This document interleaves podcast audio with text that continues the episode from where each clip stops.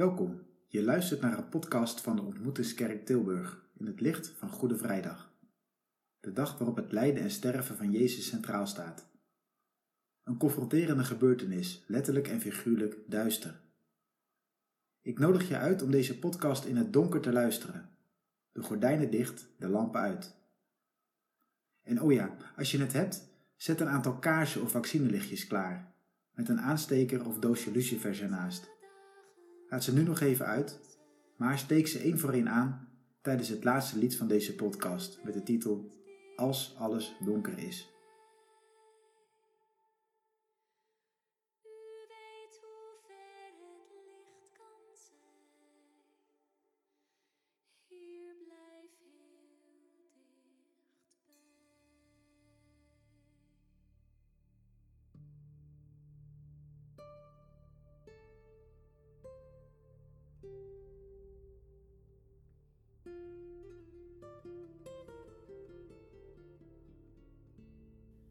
Daar hangt Jezus, in het donker, verstoten door de mensen, verlaten door zijn vader. Een gebroken mens. Kort daarvoor nog als koning de stad binnengehaald, omringd en toegejuicht door heel het volk. Nu bespot, de hoogte in vernederd. Daar hangt hij, met zelfs een beschrijvend bordje erbij. Te kijken voor iedereen die het zien wil. En ik? Wil ik het zien? Kan ik mijn ogen houden op die man? Of kijk ik beschaamd naar de grond om deze vernedering maar niet te hoeven zien? Of kijk ik over het kruis in het donker heen maar vast naar het licht van Pasen? Omdat ik het beeld van een verheerlijkte, opgestane machthebber beter kan verdragen dan de aanblik van pijn en lijden. Of loop ik net als de ramptoeristen die rond het kruis hadden staan kijken, langzaam maar weer eens terug naar huis, omdat mijn leven nou eenmaal gewoon verder gaat. Of hoe gewoon is jouw leven op dit moment eigenlijk? In het afgelopen jaar zijn verdriet, eenzaamheid, pijn en lijden voor veel mensen een bittere realiteit geworden. Misschien ken je het donker maar al te goed. Vandaag wil ik samen met jou kijken, door het donker, naar het bebloede hoofd met een kroon van doorns, naar het affiche boven zijn hoofd. Moest deze gebroken man een koning zijn? En wat voor koning dan? Op die bewuste vrijdag hadden meerdere mensen hun vragen rondom Jezus. Bijvoorbeeld de Joodse hoge priester Caiaphas.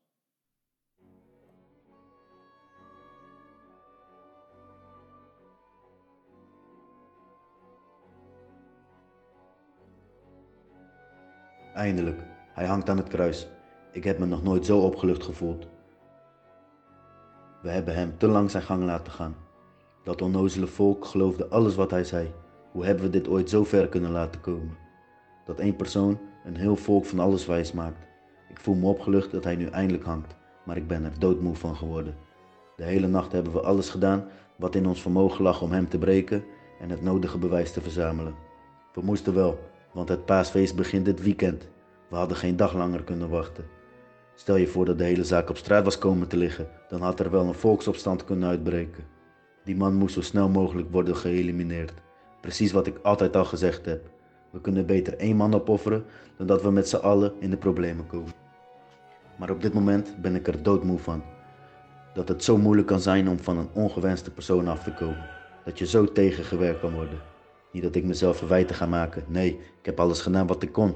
Ik heb Pilatus persoonlijk verteld dat die man een crimineel is. Een terrorist, een volksgevaarlijke gek die het volk verleidde en het hele land wilde overnemen. Hij dacht dat hij koning was, de zoon van God. Dat het zo ver met iemand komen kan. Wat ik niet had zien aankomen was dat Pilatus zo moeilijk zou doen.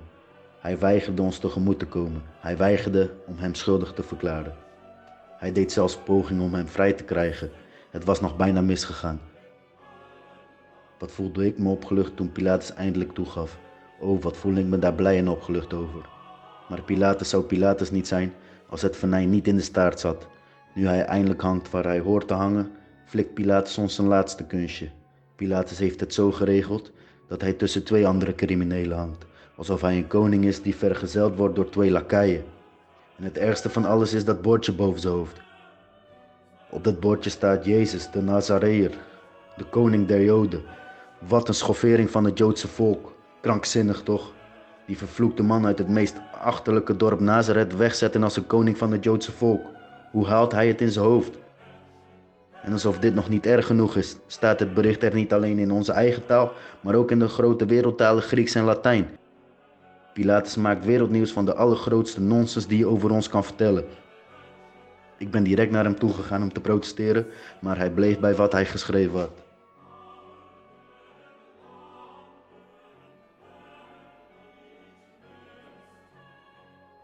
Machtspelletjes, donkere motieven. Met het Oude Testament in de hand weet de Joodse religieuze top te krijgen wat ze willen. Ze hadden Jezus laten arresteren met een aanklacht op zak, verraad aan de keizer, een opstand. En zo hangt Jezus door toedoen van de Joodse leiders daar in het duister. Maar ook hun macht was beperkt. Ze hadden wel de medewerking nodig gehad van de politieke machthebber. Het dossier Jezus van Nazareth moest immers eerst langs de rechterstoel van de Romeinse bestuurder Pontius Pilatus.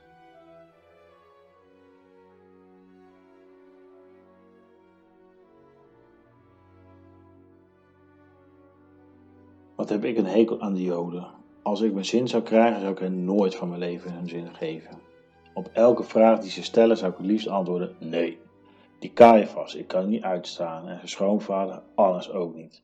Eigenlijk kan ik al die Joodse priesters en schriftgeleerden niet uitstaan. Stel het je religieuze idioten.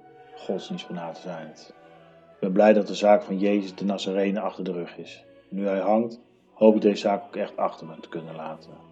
Want denk maar niet dat het voor mij een pretje was. Geheel tegen mijn zin in heb ik de Joden hun zin moeten geven. En ik heb echt alles uit de kast gehaald om dat niet te hoeven doen. Ik heb die man, Jezus, aan meerdere voren onderworpen. Dat waren wel echt bizarre gesprekken. Hij deed niet eens zijn best de aanklacht te en zichzelf te redden. En hij sprak in raadselen.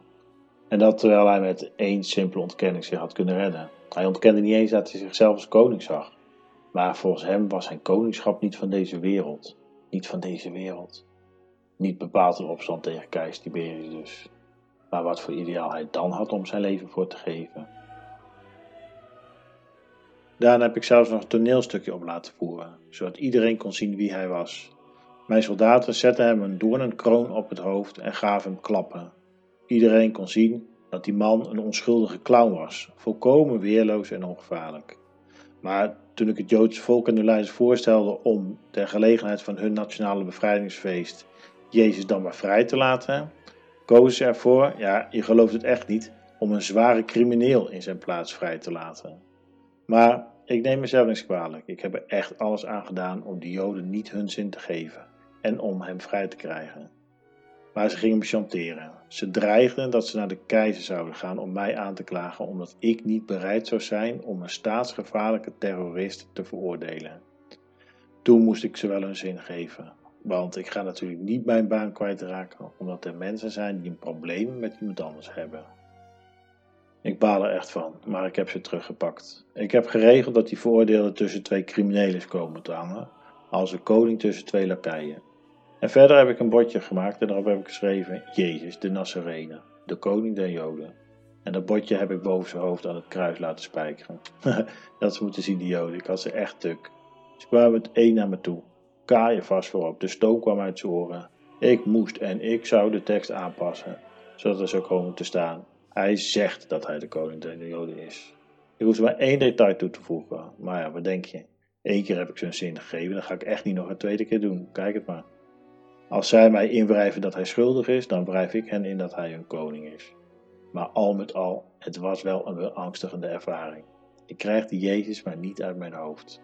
Het lukte hem zelfs om mij de woorden in de mond te leggen dat hij koning was. Laat het Tiberius mij niet horen.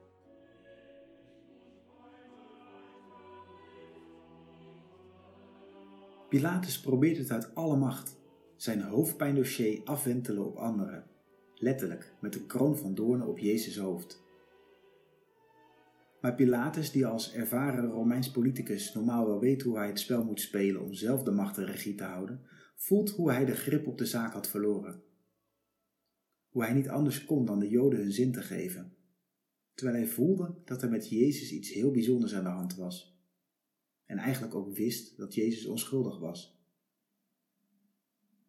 En zo hangt Jezus daar nu, onschuldig veroordeeld, door de religieuze en de wereldse machthebbers, en losgerukt uit het leven van zijn familie en vrienden, die zo kort daarvoor nog trots naast de ezel hadden gelopen, deel uitmakend van de zegentocht van misschien wel de nieuwe koning. Zo dicht bij het kruis als hem door de Romeinse soldaten wordt toegelaten, staat Jezus' volgeling en beste vriend, Johannes.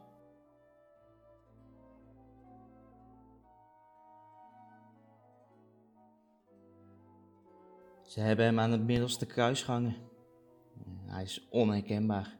Hij is misvormd. Wat hebben ze hem mishandeld?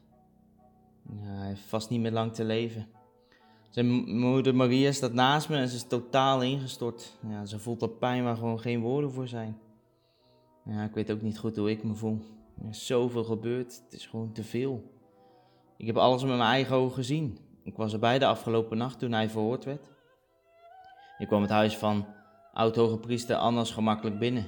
Omdat ik toevallig kennis ben van zijn schoonzoon Caiaphas. Ik heb alles gezien en gehoord. Ik was er ook bij toen Jezus voor Pilatus stond en vertelde dat hij een koning was, maar niet een koning van deze wereld. Ja, was het niet gewoon 100% waar wat hij zei? Ja, de leiders vechten elkaar de tent uit. Alle mensen met macht vechten voor het belang van zichzelf of voor een groep. Jezus doet daar niet aan mee. Ze maakten hem slachtoffer. Ja, ik snap er niet veel van. Gisteravond, vlak voor zijn arrestatie, was nog een van de gelukkigste momenten van mijn leven. We waren samen met hem en met z'n allen en ik was dichtbij hem. Hij noemde ons vrienden. Wat voelde ik me blij en de beker met wijn ging rond en we vierden feest. Ja, voelde ook wel dat er iets in de lucht hing. Ja, nu weet ik het dus even niet meer. Ik ben in de wacht. Het was gewoon te veel. Als Jezus inderdaad de Messias is, wat hij ook tegen ons gezegd heeft, was hij dan totaal, echt totaal niet van deze wereld. Ze hebben een bordje boven zijn hoofd gehangen. Terwijl hij er hangt, kan hij het bordje niet zien. Maar mij zag hij wel. Hij zag ook zijn moeder Maria. En toen zei hij tegen mij: Zoon, zie je moeder. Neem haar bij je in huis. En tegen Maria zei hij: Hij is voortaan je zoon. Oh, wat is hij toch niet van deze wereld? Zelfs in zijn stervensuur sticht hij nieuwe relaties. Hij is niet een vechtersbaas die anderen veroordeelt. Hij legt nieuwe banden tussen God en de mensen. Had hij ook niet zoiets al gezegd een paar dagen geleden? Toen hij het over de manier had waarop hij zou sterven? Wanneer ik van de aarde omhoog geheven word, zal ik iedereen naar mij toe halen. Ja, hoe bizar het ook klinkt. Het voelt alsof hij terwijl hij gevangen was en vernederd werd en gekruisigd werd en moest sterven, toch nog de regie had. Alsof hij niet boog onder de macht van de religieuze en politieke leiders, maar zij juist bijdroeg aan zijn plan. Maar wat voor plan? En ja, hoe zou het nu verder gaan?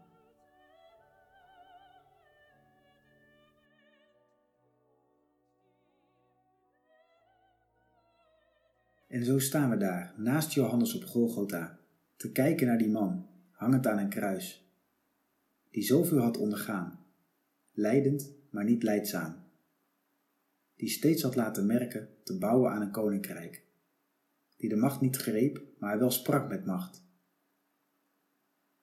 Zijn laatste woorden hangen nog in de lucht als een vonk van licht in het donker. Het is volbracht. Als duister is, ontsteek dan een lichtend vuur dat nooit meer dooft, een vuur dat nooit meer dooft. Als alles duister is, ontsteek dan een lichtend vuur dat nooit